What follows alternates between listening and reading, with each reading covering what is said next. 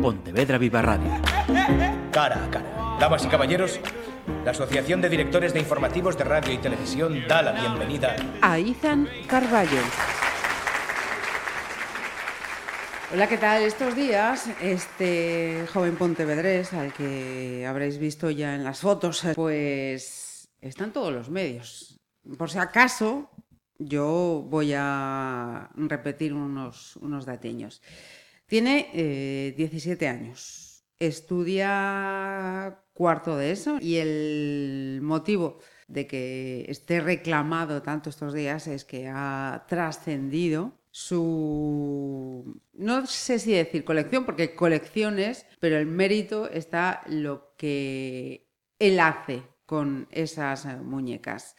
Izan Carballo, muchas gracias por venir, lo primero, por abrirnos las puertas de tu casa para enseñarnos todo lo que haces desde los siete años. Sí. Y también la vamos a escuchar luego, le acompaña su madre, Nuria. Bienvenida. Hola, buenas tardes.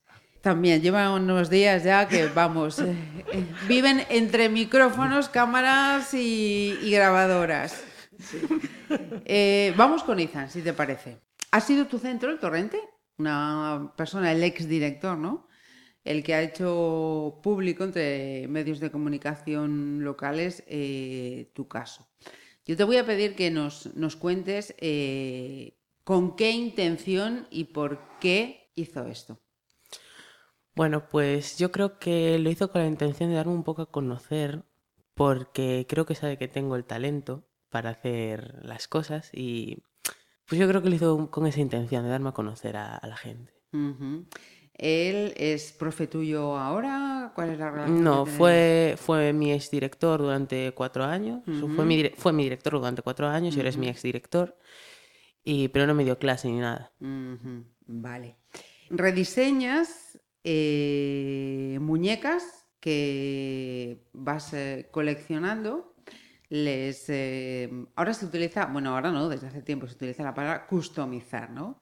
Les das tu toque eh, en cuanto a la ropa, en cuanto al pelo, al maquillaje. Las muñecas que hemos eh, ido a visitar, cuéntanos, ¿tienen que ser un modelo determinado, un modelo concreto? ¿Te vale cualquiera? Cuéntanos. Realmente me vale cualquiera de las que yo colecciono porque ya sé trabajar sobre ellas. Entonces eh, son las que más uso, pero las que más uso son las Monster High por sus proporciones, que me dan más espacio para trabajar con ellas. Bien. Llevas 10 mm, años, ¿tú cómo le llamas? ¿Hobby, afición, vocación? Em, ¿Cómo le llamarías? Para mí es ¿Obsesión? Vocación barra obsesión. Mira, cuando yo veía esto, decía, em, porque tu madre me ha chivado antes que tú pides por ahí, por el modo adelante, el pelo, esto, lo otro. No hay nadie que digamos que haga un, formato X, para que luego quien tenga una creatividad como tú pueda tener que, eh, o sea, diseñar, pintarles la cara, maquillarles, ponerles un pelo y que no tengas que comprar una muñeca, digamos que borrarla y luego adaptarla a su estilo. Eso no lo hay en ningún sitio. Mm, que yo conozca, no. Porque Mattel y todas estas compañías cogen sus trabajadores y así, pero un sitio donde tú puedas hacer tus propias muñecas con tus cosas mm, que yo conozca, no. Pues igual le tenemos que plantear a Mattel o a quien sea, oye, hacer Por favor. muñecas, solamente el patrón, que luego ya me encargo yo ya de, terminarlas y darles el, el toque Izan. Por favor. Mira, sale muy caro esto. Su madre está diciendo que sí, no la veis, pero está diciendo que sí. Bastante, porque, a ver, una muñeca de segunda mano te puede salir desde gratis hasta 10 euros, por ejemplo. Pero ya luego muñecas de colección, eso sí que ya los tienes desde los 25 euros hasta los 100 y 300 euros. O sea, eh, tú compras el material para hacer el vestuario. Sí. ¿El maquillaje? La pintura para... Sí. Ajá. ¿Y el pelo? Y el pelo. ¿A dónde, a dónde lo pides? Pues las telas y la pintura lo compro todo por comercios de aquí de Pontevedra y el pelo pues lo pido en páginas de AliExpress, por ejemplo, páginas chinas, que es donde tienen un montón de material para, para customizar. ¿Con qué parte disfrutas más? Yo creo que con el- lo que es la elaboración de la ropa. Bien. Vamos a dar el siguiente salto, porque eh, esta charla con Izan tiene, tiene muchas vertientes y yo quería tocarlas un, po- un poquito todas. Eh, ha dicho la ropa. Eh, estás en cuarto de eso. Sí, Eso significa que el año que viene mm, se acabó la ESO. por fin. Y vas a poder hacer, o te gustaría poder hacer, eso, diseño. Sí, mm, es Yo- lo, lo que quiero hacer ya. Yo, tenía que- una duda, y se lo preguntaba a tu madre antes. He visto que querías irte a Vigo. Sí. Y yo decía, ¿y teniendo aquí las denga? La escuela de diseño de moda. Sí, eh, yo me quería ir a Vigo porque es donde hay los mm, lo que más se adapta a lo que yo busco, que son unos ciclos medio y superior de costura y diseño. Ajá. Entonces, por eso es lo que.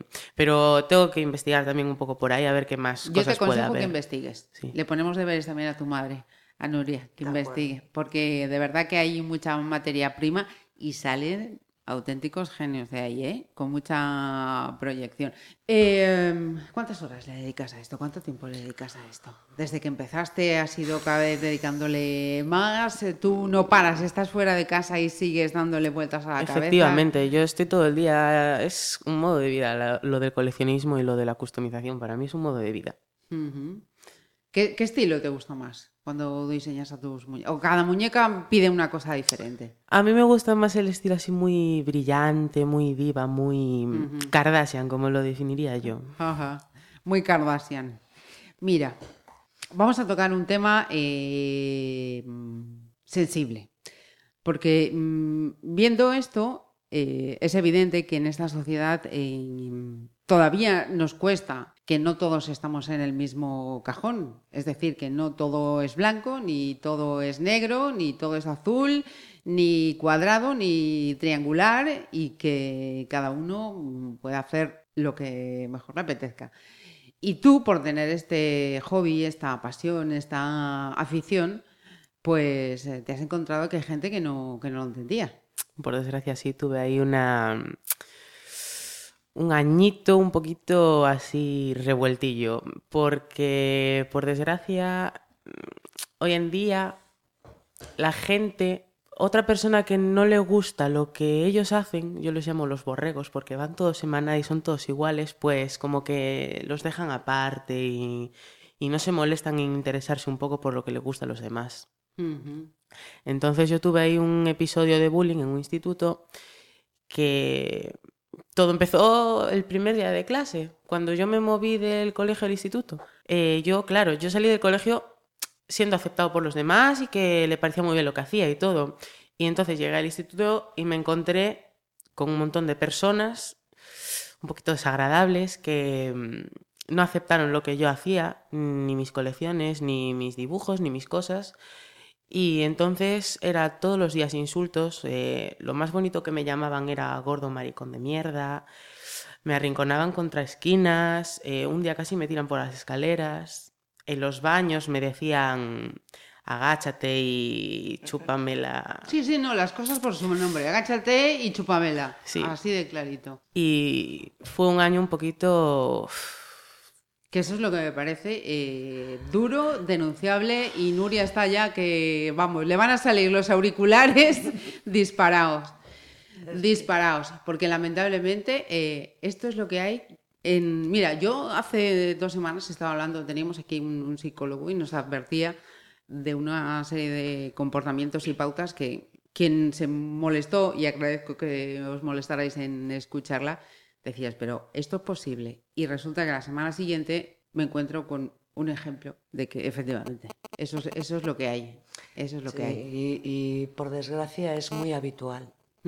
Lo que pasa es que, mm, bueno, en mi caso, eh, mi hijo siempre se abrió mucho a mí y yo, pues, como pasamos 24 horas juntos, lo conozco bien, ¿no? Y según cómo entrara por la puerta ya sabía que algo Que algo había pasado. pasado.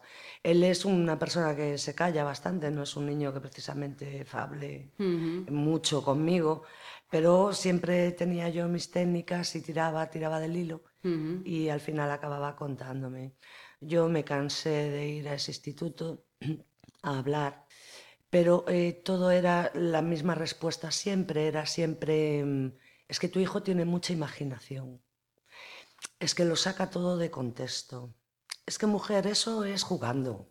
Así durante un año, cuando mi hijo entraba a unas 8 de la mañana y era de 8 a 2 de la tarde insultos permanentemente, más otro tipo de humillaciones. Entonces, eh, bueno, llegué a hablar con la madre de unos chiquillos que se rió en mi cara, por encima, y que decía que eso era mentira, que, que era mentira.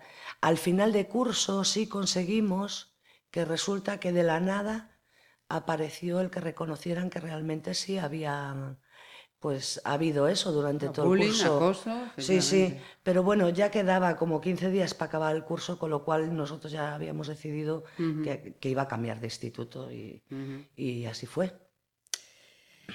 ¿Has pasado ya ese, ese trago? Sí, por, por suerte sí, y muy bien. Y, todo. y ahora resulta que esa afición, esa pasión, te, te está viniendo una avalancha estos días. De decir, Tasca. Mira, me venían de un lado, pues ahora me van viniendo del otro. Sí, sí, es impresionante. Es con eso con lo que te tienes que quedar, Sí. Ethan.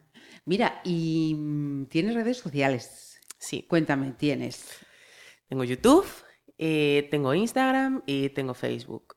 Vale, y en esos vídeos de YouTube, cuéntanos, porque yo ya he visto alguno, pero la gente que nos está escuchando, pues tenemos que invitarla a que los vea para que sepa qué es lo que hay. Cuéntame, ¿qué haces en esos? Pues en esos vídeos de YouTube eh, enseño un poquito mi colección y hago revisiones de las muñecas, hago manualidades para muñecas también. Y ahora también hago vídeos mm, de restauración y en un futuro voy a hacer vídeos también de costura para muñecas. O sea que además de, mm, te vamos a nombrar customizador de muñecas, eres youtuber. Sí. Y estos días de repente te ha pegado el subidón de seguidores que estás alucinando. Sí. Y los seguidores que tenías antes de este boom de los compañeros de los medios de aquí, eh, me, me decías que tenías muchos de fuera. Sí, mm, básicamente todos de Estados Unidos y de sitios de habla inglesa. Eso es porque allí es normal que la gente eh, customice sus Sí, allí es donde más mm, gente con esta afición hay. Aquí en Pontevedra, ¿cómo, ¿cómo andas eso de amiguetes? Porque tienes 17 años, sales, te diviertes, eh, ¿qué haces? ¿O las muñecas te absorben todo el tiempo y con tus diseños ya... La mayor parte del tiempo sí me absorben, pero Sí. también tengo tiempo para relacionarme un poquito y por ahí.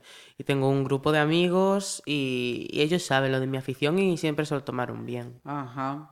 Y de- te, te ayudan. Oye, Izan, que sé de un sitio que tiene, oye, Izan, que... No, aún no tanto, pero sí que tengo algunas compañeras de mi clase que me regalaron algunas de sus muñecas. Sí. Para ponerlas en mi colección o para customizarlas. Ah.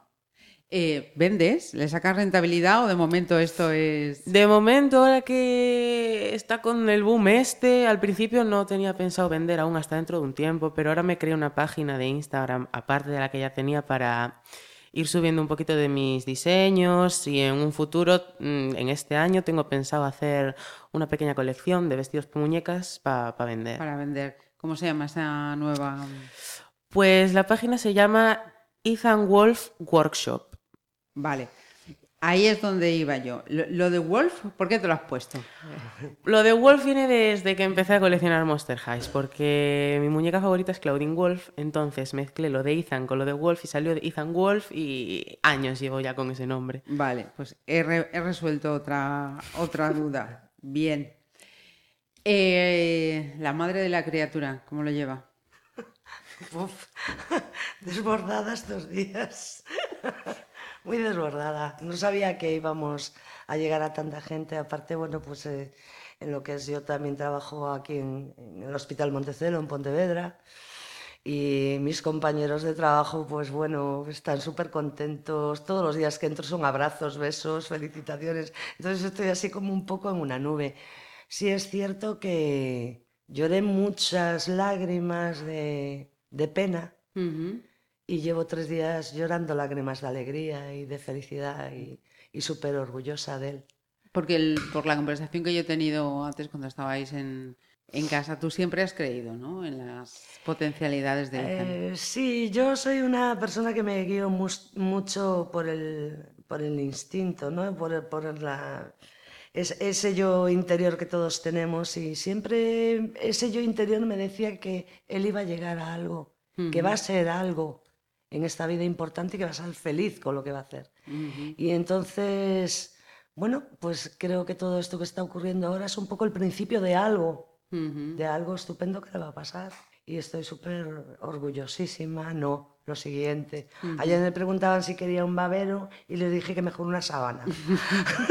Normal. El babero no me Normal, llega. normal.